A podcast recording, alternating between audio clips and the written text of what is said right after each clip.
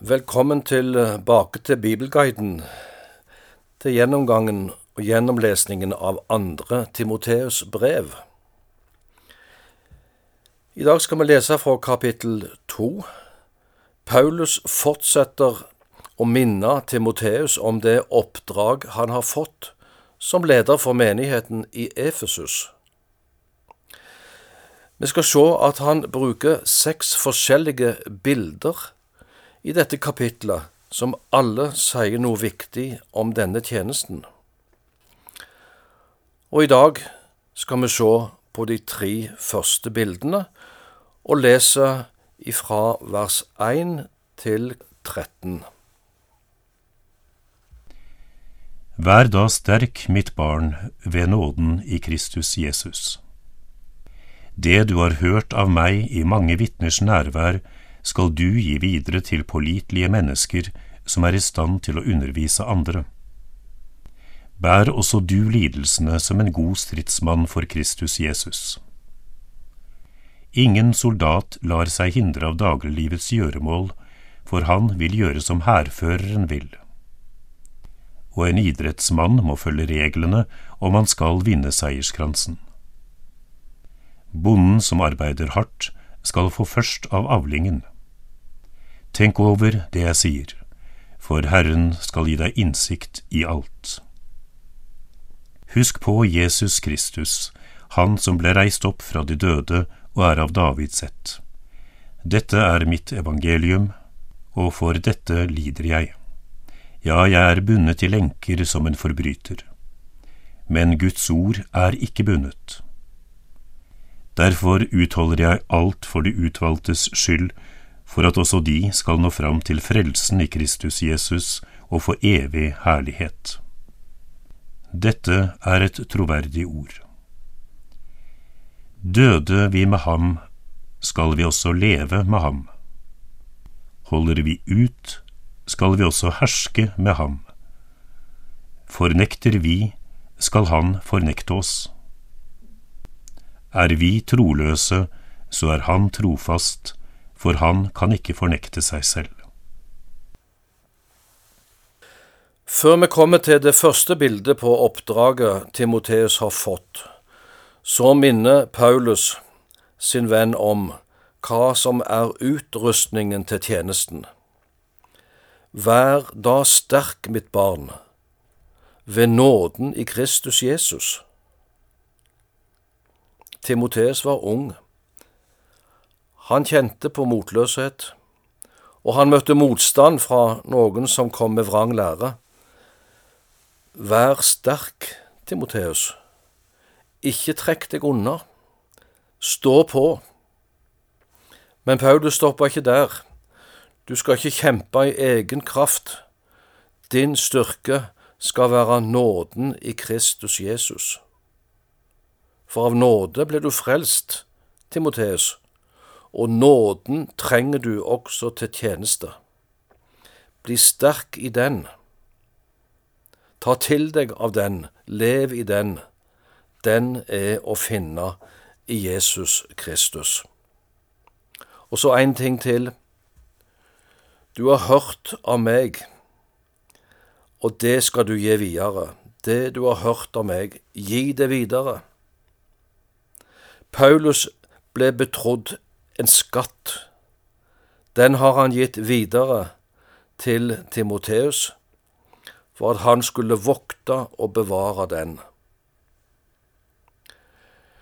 Ja, Timoteus, du skal gi den videre til neste generasjon, til pålitelige mennesker som igjen skal undervise andre. Det er som en stafett. Stafettpinnen, budskapet, skal overgis til den som skal løpe neste etappe, som igjen gir den videre til nestemann, og i denne misjonsstafetten har på en måte enhver kristen en etappe å løpe. Så var det disse bildene som sier noe viktig om tjenesten. Det første bildet vi møtte på i det vi leste, var dette Vær en god stridsmann for Jesus Kristus. Paulus har i flere av sine brev sammenligna kristenlivet med en kamp. Det gjelder å ikle seg Guds fulle rustning. Det gjelder å kjempe med åndelige våpen, framfor alt åndens sverd, som er Guds ord. Og Paulus kaller denne kampen for den gode strid. Og så oppmuntrer han da sin venn Vær en god stridsmann. Da må du være villig til å lie for Kristus, og du må ikke la deg hindre av dagliglivets gjøremål.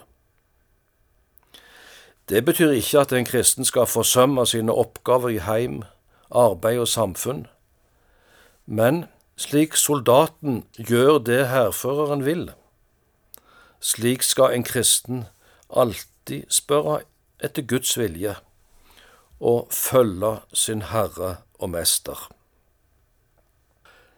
Bilde to Idrettsmannen Det kristne livet blir sammenlignet med å delta i et løp. Målet er å vinne seiersprisen. Da må du for det første følge reglene.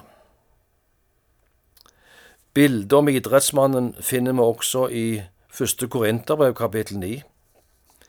Der nevnes det at for å fullføre løpet må idrettsmannen være avholdende i alt. Det følger med noen forsakelser, noe en må avstå ifra, fordi at du er med i et løp, du skal vinne en seierskrans, og du må bruke tida til trening for å vinne løpet. Paulus ser tilbake på sitt liv, og så sier han at jeg har stritt den gode strid, jeg har fullført løpet, jeg har bevart troen, og nå venter seierskransen. Det tredje bildet bonden. Det var hardt arbeid å være bonde på Paulus si tid. Før maskinene gjorde sitt inntog i landbruket, var bondeyrket et strevsomt yrke. Det er det kanskje til dels i dag òg, men det var hardt arbeid. Bildet forteller oss at tjenesten i Guds rike også kan være strevsom. Det koster krefter, en kan bli sliten, spesielt for den som har en fulltidstjeneste i Guds rikes arbeid. Men så legger Paulus til, når han bruker dette bildet om bonden eh, som et bilde på tjenesten, bonden skal først få av avlingen. Og Det sier noe om at en arbeider i Guds rike er sin lønn verd. I vers 7 sier Paulus at um, du får tenke over dette, Timoteus. Tenk på disse bildene, og så får du anvende de inn i ditt eget liv og tjeneste. Herren skal gi deg innsikt i alt. Og jeg tenker at disse bildene taler også til oss i dag. Vi er soldater og står i en kamp. Vi skal fullføre et løp, og det koster både forsakelser og hardt arbeid i den kamp og den tjeneste vi har fått av vår Herre. Tenk på hva disse bildene taler til deg om. Og i vers åtte minner Paulus oss om at vi framfor alt må huske på Jesus Kristus. Tenk på hva han måtte lia da han gikk i døden for oss. Tenk på den seieren han vant med sin oppstandelse fra de døde. Dette gjorde han i vårt sted. det som Paulus vil si til sin medarbeider. Kampen kan bli tung. Løpet koster mange forsakelser. Arbeidet er hardt. Glem da ikke å rette blikket mot Jesus. Husk på Jesus Kristus. I vers 9 og 10 i det vi leste, deler Paulus sitt eget vitnesbyrd. Jeg lider for evangeliets skyld, derfor sitter jeg nå i fengsel, i lenker, som en forbryter. Jeg er bundet. Jeg er hindra fra å fortsette min tjeneste med å forkynne Guds ord. Men så bryter han ut, takk og lov, Guds ord er ikke bundet. Guds ord, det har spredt seg utover hele Romerriket. Og du, Timoteus, og andre, fortsetter tjenesten ved å forkynne evangeliet. Ordet når enda videre ut. Ingen kan stoppe det. Det gleder Paulus, og det hjelper han til å holde ut i de lidelsene han må gjennomgå. Til slutt i dette avsnittet vi har lest sammen i dag, så ser det ut som Paulus siterer en, en salme, en hymne, som innledes med følgende setning Det er et troverdig ord. Det som kommer nå, er sant og visst. Og så kommer det fire, fire forskjellige utsagn der det første utsagnet lyder slik Døde vi med Jesus, skal vi også leve med Han. En kristen har kommet inn i et forhold til Jesus som også blir kalt døds- og livssamfunnet med Kristus. Døde vi med Han, skal vi også leve med ham.